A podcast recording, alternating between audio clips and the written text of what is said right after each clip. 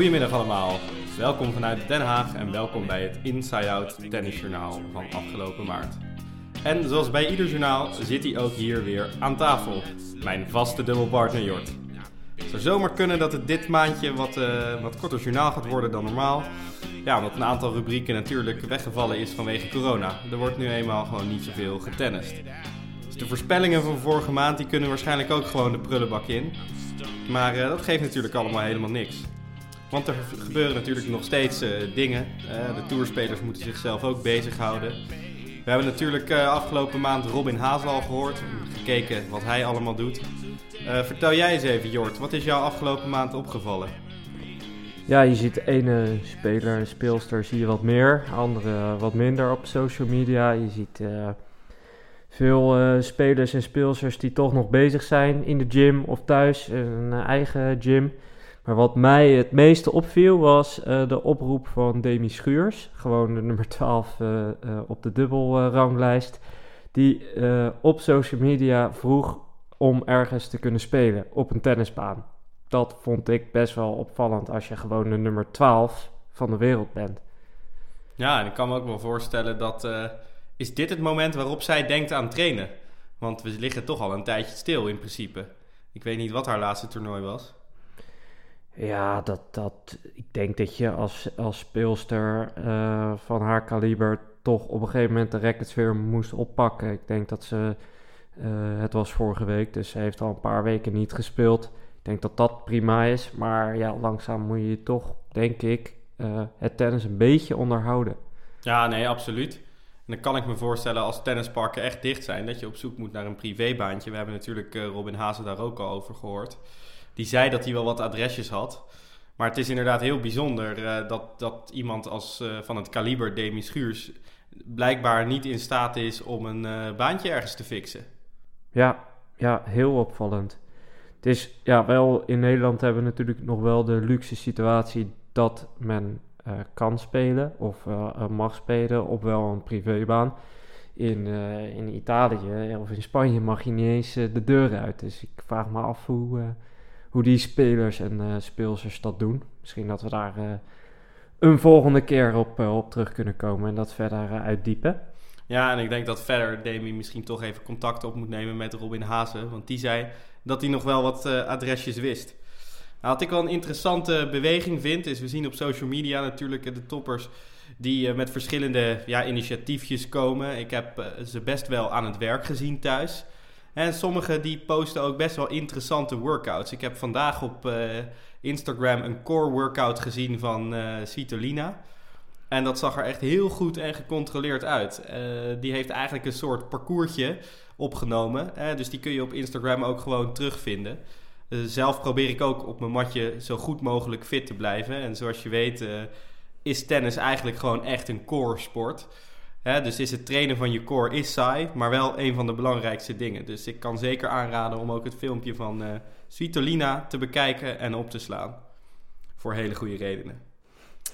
Um, wat, wat ik vooral zie op social media is uh, trickshots.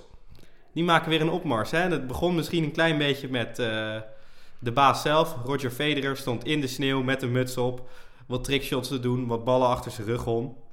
En toen zag ik ook uh, Daria Kazatkina uh, daar een soort parodie op maken. Was wel leuk. Die uh, begon met een bal door de benen, toen achter de rug langs. Toen nam ze hem aan op de borst, tien keer hoog houden, want ze kan aardig voetballen. En eh, ja, dat, dat, dat zijn leuke, leuke dingen om te zien en om je denk ik even kort mee bezig te houden. Nou vroeg ik me eigenlijk aan jou, of vroeg ik me af Jort, of jij wel eens een trickshot geslagen hebt, bewust of onbewust. En of je er wel eens eentje om je oren gehad hebt. Mm, nou, ik heb er vast wel genoeg om mijn oren gehad. De, de ballen door de benen. Meestal laat ik me er niet door verrassen. Uh, maar ja, af en toe uh, gebeurt het natuurlijk wel. Uh, zelf, ja, ik, ik ben er niet zo, niet zo van. Ik heb toch eigenlijk altijd een beetje dat die bal over het net moet. En uh, liever effectief op een lelijke manier dan niet op een, op een mooie manier. Dus ik heb me eigenlijk nooit, heb ik erop geoefend. En ja, als je op een gegeven moment een jaar of dertig bent zoals ik ben, dan is het misschien ook wel knullig om dan, als je gaat tennissen, het dan te proberen. Dus eh, nee, ik, eh, ik doe het niet. Misschien eh, in deze periode, als ik eh, de rackets weer oppak en ook tegen een muurtje ga spelen, misschien eh, ja, ga ik het toch eens proberen als we wat langer in deze lockdown zitten. Ja, ik kan, ik kan het me wel voorstellen. Zelf kan ik me er wel twee herinneren. Eh, ik heb een keer ehm, in een mix, dan is de baan natuurlijk wat breder, dus dan zijn de hoeken wat groter.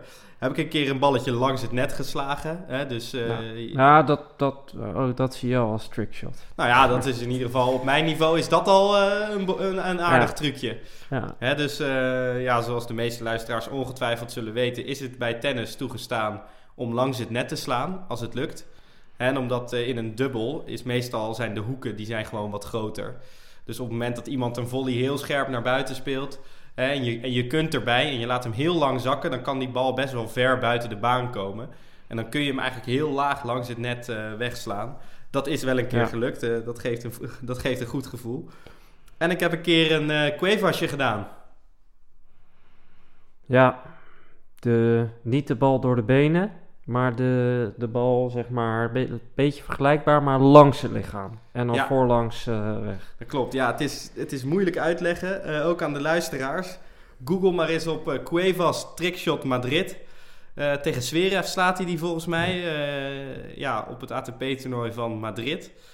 Dus Cuevas slaat een dropshot, Zverev slaat een dropshot terug, Cuevas kan er net bij en dan lopt eigenlijk Zverev de bal over Cuevas heen aan zijn, eh, aan zijn backhandkant.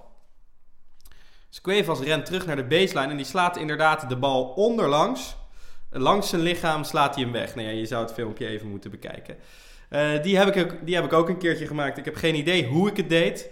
Ik had het ergens in mijn achterhoofd zitten en het, eh, en het lukte. Maar dat gaat zeker geen tweede keer lukken. Ik heb ook wel eens een tweener om mijn oren gekregen. En ik weet niet waarom dat nou is. Want je weet, iemand gaat hem door zijn benen slaan. Je staat aan het net klaar. Je verwacht alles of niks.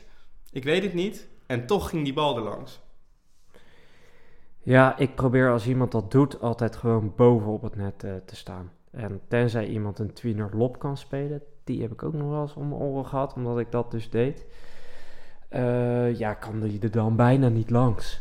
Eh, dus ja, als, je, als iemand een tweener wil slaan, dan ga er bovenop staan. En volleer die bal af. Ja, Zo is simpel waarschijnlijk- is het eh, me- eh, 9 van de 10 keer als die bal überhaupt al eh, over het net terugkomt. Want je ziet het eh, zat vaak misgaan. Ja, je hebt gelijk. Jort, het belangrijkste onderwerp wat mij betreft van, eh, van dit tennisjournaal. eh, dat is denk ik relevant voor ons en ook voor de luisteraars. Ehm, ja, we- de zon schijnt hier vol het huis in. Hè. Dit was eigenlijk ons eerste competitieweekend. Had een heerlijk weekend geweest. Gisteren wat frisser, maar geen wind. Vandaag iets meer wind, maar gewoon ontzettend lekker voorjaarsweer. Eh, dus in, in eerste instantie natuurlijk balen dat dit ons is afgenomen. Maar het is wel een serieuze discussie. Eh, hoe moet het nu verder met die eh, competitie? De KNLTB heeft ons gebriefd en heeft ook ja, verschillende scenario's aangedragen. Daar hebben we zelf ook over nagedacht. En eh, ja, we gaan eventjes met jullie de, de volgende scenario's eh, doornemen. En ook kijken hoe dat nu af gaat lopen met de voorjaarscompetitie. Het is wel goed om ook even te zeggen dat het nu eh 6, of wat is het, 5, 5 april, 6 april Ja, is. En eh, de, ja, de situatie verandert eh, natuurlijk eh, elke week. En ik kan me ook wel voorstellen dat deze podcast niet op, eh, op 6 april wordt geluisterd. Dus eh, dat is denk ik ook even goed om, eh, om erbij te zeggen voor de, voor de context. Als je hem bijvoorbeeld eh, volgende week luistert en alles alweer eh, anders is. Yes. Scenario's. Jort, scenario 1. We starten in het weekend van 9 en 10 mei. Ik ben wel benieuwd, hoe realistisch vind je dit scenario? Wat zijn de implicaties ervan? En wat vinden wij er dan uiteindelijk van? De kans dat dat kan gebeuren lijkt me ongeveer nul. Ehm 19 mei, dat is over een maand. Ehm, alle evenementen eh, zijn überhaupt al afgelast tot 1 juni. En zo'n competitiedag, nou ja, op een gemiddeld park heb je denk ik 8, 9 banen. Spelen misschien eh 8 teams thuis. Per team en een tegenstander zit je toch al zo op, op 10 spelers, spelers of speelsters per team. Dus dan zit je op een dag op een tennispark al aan nou ja, zeker 80 spelers en speelsters. Uh, op dit moment zitten we volgens mij nog in een uh, vrij, uh, ja, toch nog steeds in een stijgende lijn van het aantal, aantal besmettingen. Dus het lijkt me totaal niet realistisch dat we op 9 of 10 mei op de baan staan. Maar dit is volgens mij wel nog steeds het scenario wat de KNLTB op dit moment als leidend aanhoudt. Ja, dat klopt, omdat uh, het, het, RIVM heeft uh, nog geen uitsluitsel gegeven over uh, sportevenementen, over, over scholen. En dat gebeurt pas op 21 april. maar ja, kijk, tennissen, 1 tegen 1 op een baantje, ja, kan niet zoveel kwaad. Maar met 100 man op een tennispark, als het slecht weer is, straks met 60 man in een kantine. Ja, dat, dat lijkt me ten eerste, uh, uh, zeker als je ook in andere landen kijkt hoe het, hoe het coronavirus zich ontwikkelt, uh, volstrekt onhaalbaar. En ten tweede is het ook totaal niet verantwoordelijk richting ja, de samenleving. En ik denk dat uh, de KNLTB, kijk, wil natuurlijk de competitie beschermen. En we willen natuurlijk allemaal competitie spelen. Maar dit is toch wel even iets anders. En uh, naar mijn inziens uh, zou de KNLTB gewoon in ieder geval moeten zeggen... er wordt in april en in mei geen competitie gespeeld. Ja, ja eventjes kijkend naar de implicaties. Hè. Wat, de KNLTB nu aanhoudt is het weekend van 9 en 10 mei... Dat is speeldag 5. Dus dan gaan we gewoon starten met speeldag 5, 6 en 7 afmaken. En dan plakken we speeldag 1 tot en met 4. Die normaal dus in april zouden plaatsvinden. Die gaan we dan in juni spelen. Maar dan denk ik, wacht even, in juni heb je natuurlijk ook altijd al toernooien. En dan zegt de KNLTB, competitie gaat altijd voor op toernooien. Open toernooien, clubkampioenschappen, noem het allemaal maar op. Wat vind je daarvan? Ja, dan Ehm, als dat zo is, dan zou de KNLTB richting de toernooien die in nou, juni uh, zouden zijn en dat dus overlapt, toch moeten kijken of ze wat flexibeler daarin zijn door bijvoorbeeld uh, die toernooien de ruimte te geven om later in het seizoen het, toernooi te organiseren of om te zeggen van nou we doen een, toernooi twee weken en alleen door de weeks of, uh, of iets in die trant. En uh, ja, ik, denk misschien eh, is de KNLTB daar uh, ook mee bezig. Dat zou natuurlijk best wel kunnen op de achtergrond. Maar ik denk dat je op die manier clubs uh, ja, daarin meer tegemoet komt. En wat vind je van het idee dat misschien clubs samen optrekken als het gaat om open toernooien? Want wat we ook zien is dat sheets gewoon af en toe echt wel leeg zijn of te leeg zijn. En dan zeg jij nu, kom we gaan gewoon toernooien verplaatsen. Heb je nog meer toernooien in één week, heb je nog dunnere sheets. Ja, maar dan, dan verspreid je wel uh, het, het, het verlies van het niet kunnen organiseren van een toernooi, wat vaak voor een club heel belangrijk is. En ik denk dat je beter elke club een toernooi kan organiseren en in ieder geval wat inkomsten genereert, dan dat je straks zegt van nou, het, het gaat naar een aantal uh, toernooien. En ik denk juist straks, als we weer mogen tennissen, dat iedereen hartstikke staat te popelen om uh, zich in te schrijven voor toernooien. Ja, is misschien wat voor te zeggen. Hey Jort, scenario, eh, of nou, ik denk even conclusie. Jij zegt scenario 1, 19 mei starten, die kans is nul. Ja, dat lijkt me. Scenario 2. Dan zeggen we, nou ja, weet je, we, we zitten de, de crisis eventjes uit en we starten in juni. Ja, dat, uh, ja, dat vind ik lastig te zeggen. Uh, als je kijkt naar het virus, dat zou in theorie zou dat nog wel kunnen. Uh, ja, en dan zou het uh, best wel leuk zijn om uh, in juni en uh, in juli te spelen. Maar dan kom je met schoolvakanties in de knoop, Jort. Want hè, eind juni, begin juli, dan zijn er gewoon schoolvakanties. Hè, en ja, gewoon een hele competitie doorspelen in juli. Gegarandeerd zullen er mensen op vakantie willen. Zeker nu de meivakantie al niet doorgaat en allerlei andere tripjes afgelast zijn. Ja, dat is waar. Dat, dat uh, kan een, een, belemmering zijn. Uh, op dit moment uh, is reizen natuurlijk ook nog niet mogelijk. Dus je weet dat weet je ook niet. Of mensen al een vakantie hebben geboekt eh, en of kunnen gaan. Ehm, dus ja, het, het, het, is inderdaad weer wat lastiger. Eh, ik zag ook op de KNLTB-site dat ze wellicht kijken naar kleinere pools. Ja, scenario 3 op mijn blaadje. Oké. Wat vind je daarvan? Of wil je eerst nog even bij scenario 2? Nou, scenario 2, kijk, in juni starten is denk ik in theorie een optie. Hè, stel, het, het kan qua corona en niemand kan op reis en niemand kan op vakantie. Dan denk ik dat er best mensen zijn die lekker in de zomer willen spelen. Want het weer is natuurlijk fantastisch. Hè, en we kunnen lekker met elkaar spelen. Maar ja, de kans op halfvolle teams, opgaves, wij komen met twee, wij komen met drie, zijn jullie compleet, is ook wel veel gedoe.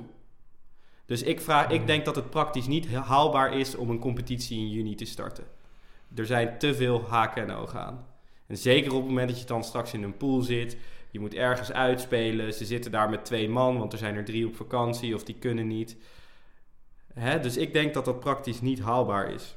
Komen we naar bij scenario 3, dan zeg je ja, we kunnen wat later spelen en dan doen we een wat kortere competitie. Dus we spelen in kleinere pools.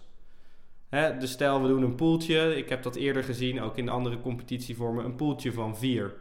Met drie ontmoetingen. Ja, dat lijkt me dan uh, een stuk uh, realistischer dan het, het vorige scenario. Um, je zit dan natuurlijk wel met de verschillende.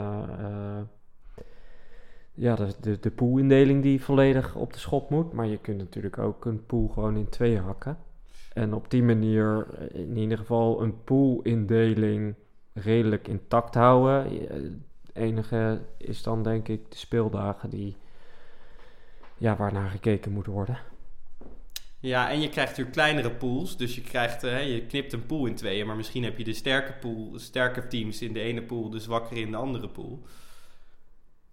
Hè, want normaal in een pool van 8 degraderen er 2, gaat er 1 omhoog. Met twee pools van vier zou je de onderste kunnen laten degraderen. Mhm. Dus dan hou je dat in stand. Maar je hebt wel twee kampioenen van de pool.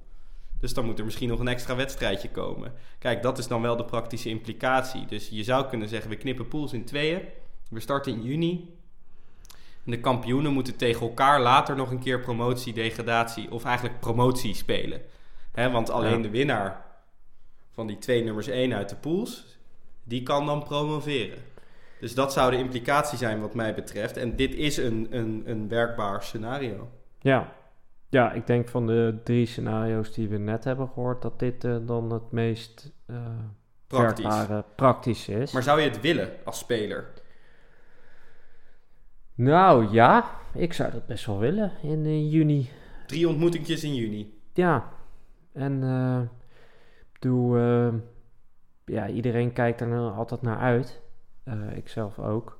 Uh, het gaat nu niet door. Het is nu schitterend weer. Nou, ik heb dan nog het geluk uh, dat ik een mooie racefiets heb en een rondje kan rijden in, in mijn eentje of, of met z'n tweeën.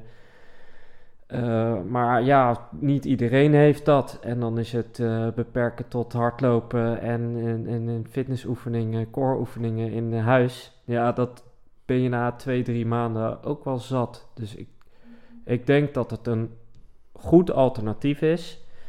Uh, je ziet ook al wel heel veel evenementen worden afgelast. Dat zijn natuurlijk wel grotere evenementen. Uh, kijk naar Wimbledon, kijk naar Roland Garros, Olympische Spelen. dat is wel groter. maar ja, dat zegt ook wel iets, denk ik. En dat zegt mij in ieder geval dat we in juni nog niet met z'n honderden of met honderd op een tennispark staan. Ja. Ik ben het met je eens, komen denk ik uit bij het laatste scenario, scenario 4. Dat is gewoon, we lasten gewoon die hele competitie af. We nemen ons verlies. Volgend jaar is er weer een competitie. Dubbel zoveel zin in. Zelf de poolindelingen aanhouden. Dan weet je dat maar vast een jaar. Dan kun je er helemaal op voorbereiden. En de KNLTB heeft ook nog een hele gave herfstcompetitie. Wij doen er al jaren aan mee. Die mag wat mij betreft wat eerder starten. Begin september, als de scholen ook weer beginnen. En dan heb je eigenlijk in september en half oktober heb je meestal nog fantastisch tennis weer. En ik denk behalve dat, afgelopen jaar. Behalve afgelopen jaar. Je kan natuurlijk een keertje pech hebben. Maar wat ik daar alleen maar mee bedoel te zeggen is: laat dit een goede prikkel zijn voor iedereen die graag competitie wil spelen. Speel lekker in de herfst mee. We beginnen vroeg in september. Het is gewoon een volwaardige competitie. Ja, ja en ehm, ja, het is denk ik ook wel een, een kans voor de, de KNLTB, maar ook voor clubs om is ook wat andere dingen te gaan proberen en doen. Stel, we zijn in augustus, uh, mogen we weer tennissen. Uh, ja, zijn er toernooiformatten die we kunnen gebruiken? Uh, interne competities die je kunt starten? ik denk dat daar straks heel erg behoefte naar is. En dat, ja, dat vooral is waar clubs en ook de KNLTB alvast over moet na gaan denken. Ja, Helemaal eens. Dus uh, als ik het goed begrijp, wat zegt Inside Out? Jij zegt eigenlijk na een korte competitie zie ik nog wel zitten in juni. Ja, een beetje tegen beter weten in. Maar dat, dat zou uh, nog wel een goede optie zijn als we mogen spelen in uh, juni. Ja, nou ja, mijn idee is, we nemen ons verlies. We doen vrolijk mee aan de herfst en volgend jaar is er weer een, een voorjaar. Ja. Goed, volgende rubriek. Die staat nog steeds als een huisjord. Uh, het crypto-kanon. Ja, die kan gewoon door blijven gaan. Hè? Vorige maand waren we op zoek naar een uh, top 20 speler die stiekem met links speelt. Veel inzendingen gehad weer. En ik moet zeggen, ik denk dat de moeilijkheidsgraad iets omhoog moet. Uh, Rafael Nadal links was overigens niet goed. Nee, het, het goede antwoord moest natuurlijk zijn André Rublev. en dus punten voor degenen die dit goed hebben beantwoord. Zeker met een uh, uitgestelde competitie, waarschijnlijk kan het nieuwe crypto-kanon hopelijk uh, jullie allemaal nog een beetje bezighouden. Dus hier komt het crypto-kanon van maart. Deze top 100 speler, het is geen Europeaan, glijdt van hoek naar hoek. Ik ga hem nog één keertje herhalen. Deze top 100 speler, het is geen Europeaan, glijdt van hoek naar hoek. En daar wens ik jullie heel veel succes mee. Nog andere dingen, Jort, die branden op je tong? Nee. Wat wij hopen, wij hebben een, uh, een datum geprikt met Raymond Sluiter om uitgebreide special op te nemen over zijn visie op tennis, zijn uh, relatie met Kiki Bertens en wat hij nu aan het doen is. Dus wij hopen snel uh, bij jullie te komen. Maar tot die tijd doen we het met een journaal en bedank ik jullie weer voor het luisteren. Laat weten wat je ervan vond. Reageer even op onze posts wat jullie favoriete voorstel is wat we met die competitie aan moeten. En dan hopen we dat we er uh, met z'n allen uitkomen en weer snel op de baan staan. Dus dankjewel en tot de volgende keer.